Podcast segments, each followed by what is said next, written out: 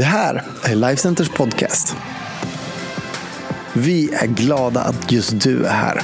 Allt du behöver veta om oss och vad som händer i kyrkan det hittar du på Lifecenter.se och våra sociala medier. Här kommer veckans predikan. Hej! Så kul att få predika för dig idag. Jag heter Per-Johan Stenstrand och jag är pastor i Life Center Church som finns på tre olika platser i Sverige. Västerås, Linköping, Ludvika och naturligtvis i din skärm eller på din TV eller telefon. Jag tänker predika idag över ett tema som eh, jag kallar för fortsatt glädje och egentligen är det inte jag som kom på det utan jag hittade i den bibeltext som vi ska läsa idag ifrån Filipperbrevets första kapitel. Och där går vi till vers 18. Det står så här.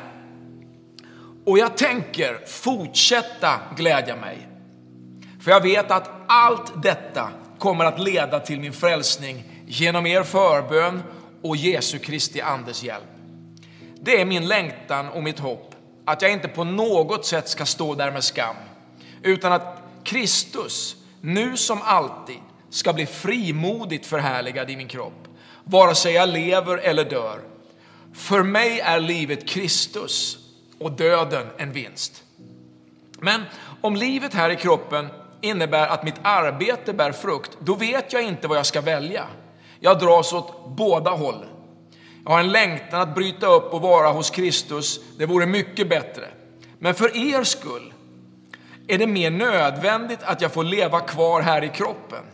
Jag är övertygad om och jag vet att jag ska få leva och vara kvar hos er alla och hjälpa er till framsteg och glädje i tron. När jag är tillbaka hos er igen får ni ännu större anledning till glädje i Kristus Jesus för min skull. Ska vi be tillsammans? Herre, jag tackar dig för ditt levande ord. Guds ordet som ger oss kraft och liv och så mycket uppmuntran och vägledning i livet. Jag ber att det ska få bli så där levande för varje lyssnare idag. Att eh, där de befinner sig så, och där du befinner dig när du, när du lyssnar på mig just nu ska få uppleva verkligen hur Gud kommer till dig och du får verktyg för livet och en uppmuntran från himlen i denna dag. Amen.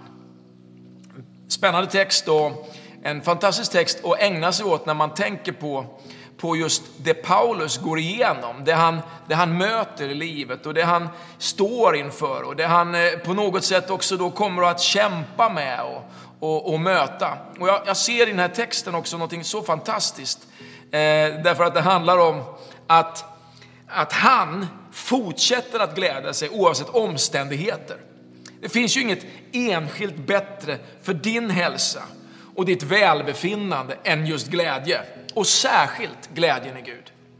Glädjen över att du och Gud är på samma sida.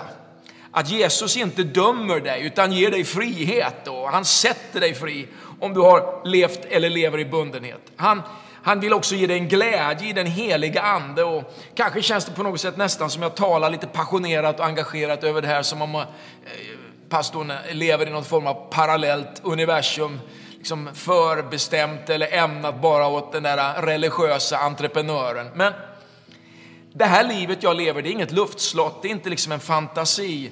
Eh, och, och, och, jag kanske skulle citera en av mina favoritpoeter, eh, eh jag kan inte så många men jag kan några stycken, men jag har en favoritpoet eh, som var biskop i Västerås en gång i tiden. Han heter Nils Bolander och han sa så här bland annat att de i anden helnyktra, de ser inga syner. De har inga drömmar, sa han. Alltså det här med att det finns ett behov i våra liv att koppla vår passion, vår glädje, i Gud och livet i den heliga Ande till att han ger hopp, han ger ny vision för våra liv. Ett liv i den heliga Ande, det, det, det ser mer, det hoppas mer, det tror mer, det, det, det gör mer, det lever mer och det övervinner mer. Och när jag säger det här så är det faktiskt eh, alltså en, det, det, är en sån passion i mitt liv, så, så om du tittar på ditt liv, säg att du är en småbarnsmamma, en företagare eller en medelålders man som, som har ett stabilt liv, men kanske så tappat liksom lite sugen på, på livet, så finns det ändå en fortsatt glädje trots omständigheterna med kidsen eller din eh, resultaträkning eller försäljning eller det som du står i som människa. Den här texten i Filipperbrevet är ju skrivet av Paulus och han, han gör det någonstans där i början på 60-talet efter Kristus. Han är fånge i Rom och Han har liksom sin kärlek till den här församlingen han skriver till i Filippi. En stad i Makedonien. Och en, en, en, grupp människor som han älskar. Han har vunnit dem för Gud. Han har hjälpt dem liksom i de första stegen i deras kristna vandring och undervisat dem och hjälper dem in i lärjungaskapet. Och han älskar dem så mycket. Och trots då att han har ett väldigt, väldigt tufft liv själv så tänker han på himlen. Han tänker på vännerna som han skriver till och han slits emellan det här. Okej, okay, det vore egentligen roligare och härligare att vara hos Gud, men för deras skull så vill han hänga i. I den här texten finns det några nycklar till dig. Det finns några nycklar för dig om hur du kan fortsätta, precis som Paulus, att glädja dig. Att fortsätta leva med glädje. Den här djupa övertygelsen som du också läste om i texten här i vers 21 i Filipperbrevets första kapitel att för mig är livet Kristus och döden en vinning. Alltså, jag behöver inte vara rädd för det som kommer, men jag vill ju leva här och nu och det gör jag i Kristus Jesus. Det första jag vill ge dig som en nyckel till ett liv där du kan fortsätta glädja dig trots dina omständigheter, det är att du får leva med övertygelse. Han sa själv så här, jag vet, jag vet, sa han, för jag vet att allt det här som jag är med om, det kommer att leda till seger, det kommer leda till frälsning. Tron det är mer än att bara gissa. Det är mer än att bara ha en stark förhoppning. Många gånger så kommer du att möta människor som, kanske, du kanske har hört det här uttrycket någon gång, så säger man så här, eh, tro, det gör man i kyrkan, här vet vi. Och ändå finns det människor som undrar var du får din kraft ifrån. Var får du trons kraft i ditt liv ifrån? Väl, det handlar om att din övertygelse, den är mer än ett hopp. Den är mer än bara en förväntan. Det är mer än en önskedröm. Hebreerbrevets elfte kapitel säger så här. Tron är en övertygelse om det man hoppas. En visshet om ting som man inte ser. Alltså du är övertygad om det liksom, som tron ger dig. På ett annat sätt än bara liksom, ja, jag hoppas. Du är viss, va? du är övertygad om att saker som andra människor inte ser, de är lika reella för dig som om du hade tagit på dem idag. I Hebreerbrevets elfte kapitel kan man gå vidare och läsa i vers 32. Eh, och då står det så här, det talas bland annat om olika figurer, va? olika personer. Vad mer ska jag säga? Tiden räcker inte till för att berätta om Gideon, och Barak, och Simson och Jefta, om David, Samuel och profeterna. Genom tron, står det, besegrade de kungariken, skipade rätt, fick löften uppfyllda och stängde lejons gap. Det finns en våldsam kraft i tron. Att få leva med en övertygelse, att få leva med en övertygad tro. Därför att kampen om tron, det är också en kamp om glädjen. Ge inte upp din tro. Borra djupt i det som är Guds ord. Borra ner i det. Lev i det. Ta ett par verser liksom varje dag och börja suga på karamellen. Och vad betyder det här för mig? Och så hittar du Guds ords löften och det blir en enorm kraft för dig att leva ditt liv. Lev varenda dag med den heliga ande. Gå på gudstjänster. Möt andra lärjungar som följer Jesus, alltså andra människor som tror på Jesus. Och framförallt, dela din tro. Dela din övertygelse med andra människor, för när du gör det, då växer din tro. Du lever med övertygelse och det får leda andra människor till samma upplevelse som du har gjort med Jesus. Så det är viktigt att leva med övertygelse. Om glädjen ska liksom fortsätta i ditt liv, lev med en övertygelse. Här hittar du övertygelsen. I det utgivande livet så hittar du övertygelsen. Det andra jag tänker på är att leva i nuet. Det står så här, allt detta talar han om. Filipperbrevet 1 och 18. Och jag tänker fortsätta glädja mig. Det är egentligen nyckelversen här. Jag tänker fortsätta glädja mig för jag vet att allt detta, det kommer att leda till min frälsning. Alltså att fortsätta glädja sig i livet trots allt det som händer. Allt detta är ett fantastiskt, liksom, eh, en fantastisk bekännelse på att allt detta som du går igenom, allt detta som du tänker på just nu, allt detta som ligger framför dig, eller allt detta som du har gått igenom, allt detta Mitt i allt detta, trots allt detta, genom allt detta kan du fortsätta att glädja dig. Allt detta för mig, det är ju livet. Livet händer. Och det är allt detta som du möter i livet som formar Gudsmänniskan. Som formar dig till den du är. Allt detta som du lever i, som du är kallad också att förvalta och göra någonting av. Lev i nuet, men ständigt med en blick på det som ska komma. Lev och gläd dig i nuet över det liv som du har med Jesus, trots allt detta. Idag vill jag i slutet av vår gudstjänst be för dig som brottas med allt detta. Jag vill be att du ska få kraft att lägga allt detta i Guds händer. Lägga allt detta som du möter i Guds händer, allt detta som du går igenom för Gud i hans händer. Det är något underbart att få göra det här och jag vill att Gud ska få röra vid dig, röra vid allt detta som finns i ditt liv och att allt detta som du står i ska få mötas av Guds frid och att Guds frid ska få råda i det. Och att allt detta som du möter och går igenom och varit med om ska få läggas under det som är Jesu frid och hans nåd. Det tredje jag tänker på, förutom då att leva i nuet, är att också få leva i framtiden. För det är ju den här paradoxen Paulus talar om. Alltså, jag vill egentligen dit, men för er skull vill jag vara här. Alltså jag vill in i det som är min framtid, men jag vill vara här och nu för er skull. Livet med Jesus, allt detta, det leder till frälsning, säger han. Därför att det är ju också så här att allt detta som du hanterar, allt detta som du möter, hur du hanterar det kommer faktiskt också att avsluta din resa.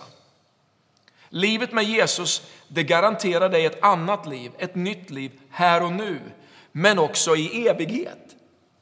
Det finns alltså två stycken parallella spår på något sätt här. Livet med Gud, på andra sidan döden, det avgörs av det här.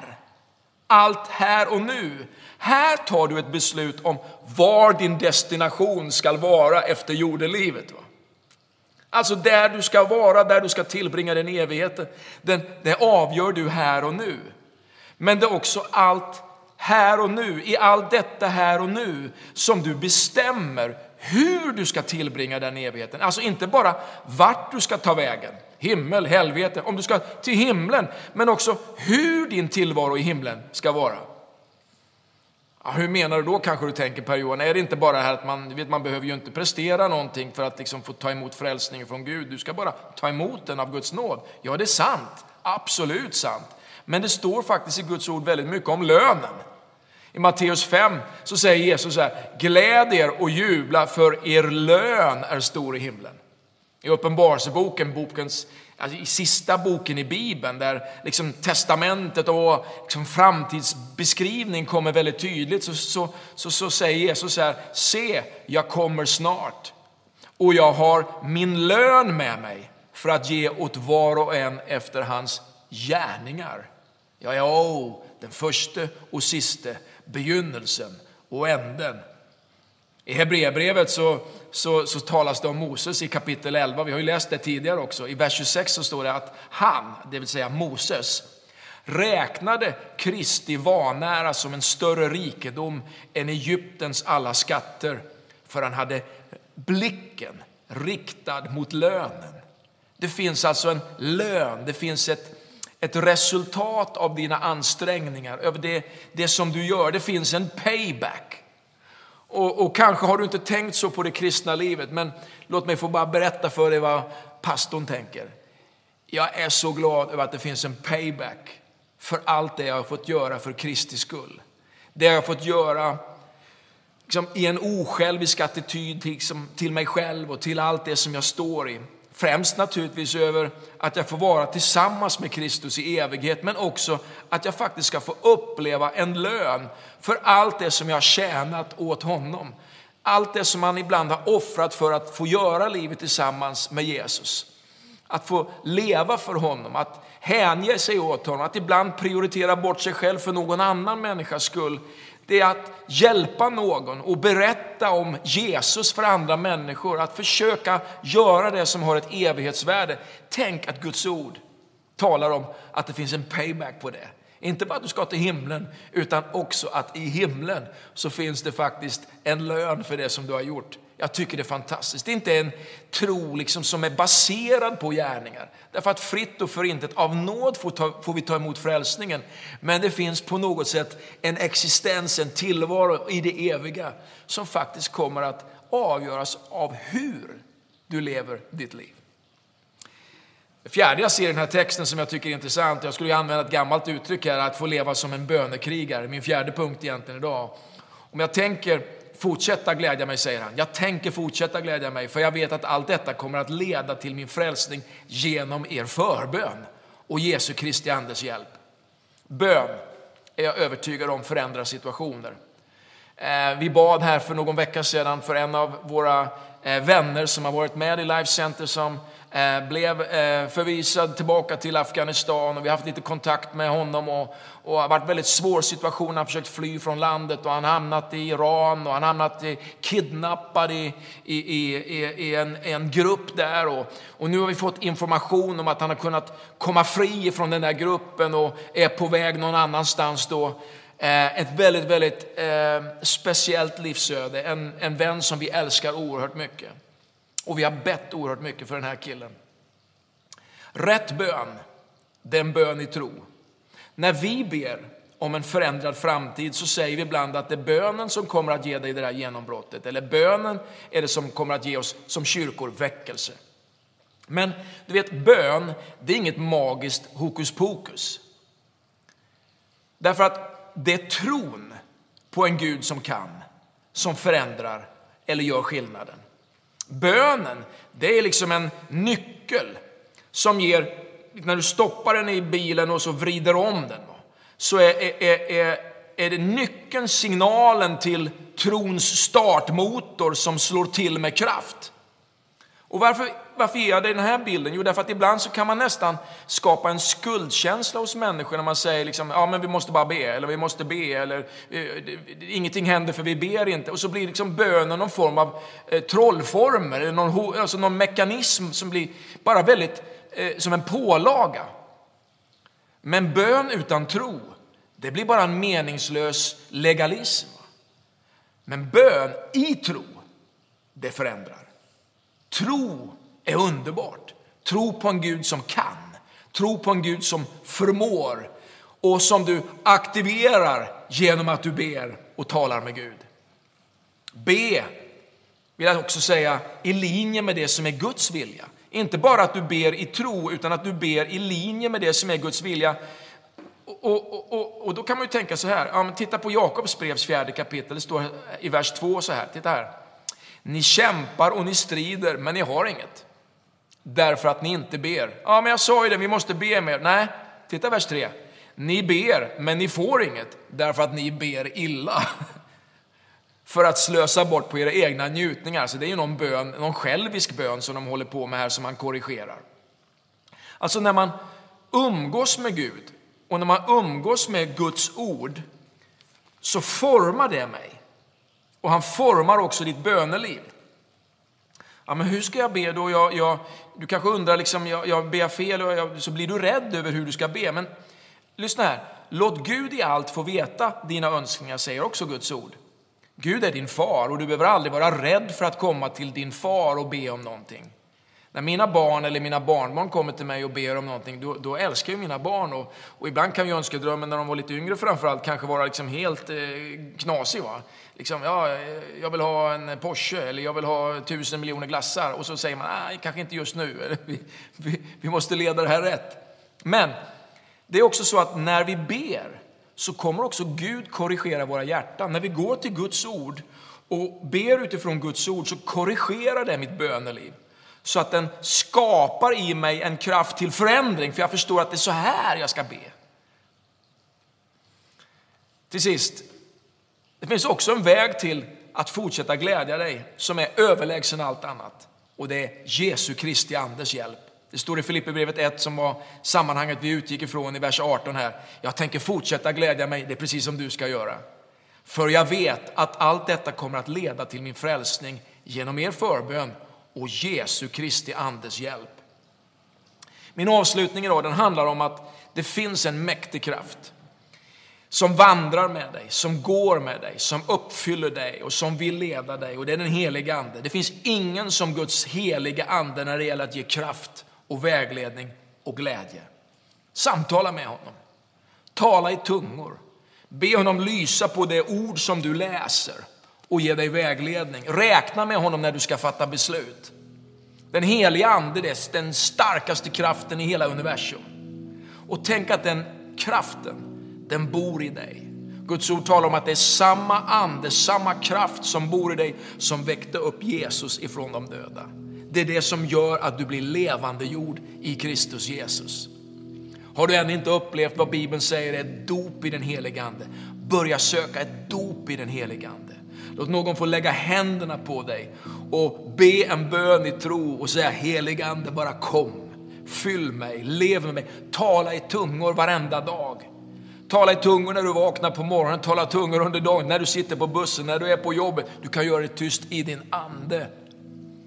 Det är något underbart med den helige Ande. Han är profetisk, han vill öppna framtiden, han vill avslöja saker. Han vill göra den svagaste till en hjälte, han vill uppmuntra och han han vill ge tröst. Men precis som i vår tid så måste man ge honom utrymme och tillfälle istället för att fylla sig med allt annat. Han finns här för att leda dig genom det du behöver. Han vill hjälpa dig att fortsätta vandra och leva i glädje. Fortsätt glädja dig. Det finns hopp. Fortsätt glädja dig när du går genom livet så vill han forma dig, han vill utveckla dig. Fortsätt glädja dig och fastna inte i bitterhet eller missmod över saker som kanske är jätteorättvisa som har hänt dig. Gud är för dig och du kan lita på att Gud är med dig. Jag sa tidigare idag att i slutet av vår gudstjänst så skulle jag be för dig som brottas med allt detta. Att du skulle få kraft att lägga allt detta i Guds händer och slappna av.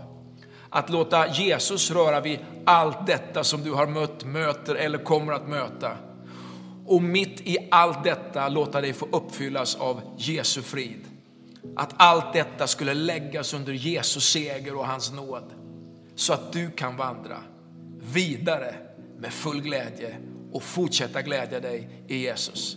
Varför inte göra så där du befinner dig just nu, där du är just nu, att du bara sluter dina ögon och knäpper dina händer och så får jag be för dig. Och om du upplever att den här bönen är rakt in i ditt liv så säger du bara tack Jesus för att du har hört min bön. Ska vi göra så? Jesus, jag ber för varje person som har lyssnat till min predikan idag. Du ser där den personen sitter eller befinner sig just nu. Jag tackar dig för att de får i ditt namn Jesus bara lägga allt under din seger. Allt under din nåd. Allt under dina underbara, eh, varma armar. Att låta din heligande bara tala tro och kraft rakt in i den situationen just nu. Jesus, jag ber för den som kanske aldrig har bett en bön till dig innan, som vill säga idag, Jesus, jag tror på dig. Välkommen in i mitt liv. Tack Jesus för att du hör den bönen. Och varför inte göra precis där du befinner dig just nu? Om du vill be den bönen, säg bara Jesus, jag tror på dig. Välkommen in i mitt liv just nu. Jag lägger mitt liv i dina händer. Tack för din förlåtelse. Tack för att du renar mig från min synd och ger mig ett nytt liv. I Jesu namn. Amen. Tack för att du har lyssnat på mig idag. Jag önskar dig Guds bästa. En fantastisk vecka. Hoppas att vi möts liksom i kyrkan nästa vecka, antingen online eller in person på någon av våra campusar. Det finns mer information på vår hemsida. Följ oss gärna på social media så ser du vad som händer. Och varför inte fylla i någon av uppgifterna som finns på vår hemsida. Om du har tagit ett beslut att följa Jesus så vill vi gärna skicka dig en bibel som en gåva. Gud välsigne dig och väl mött igen. Hej då.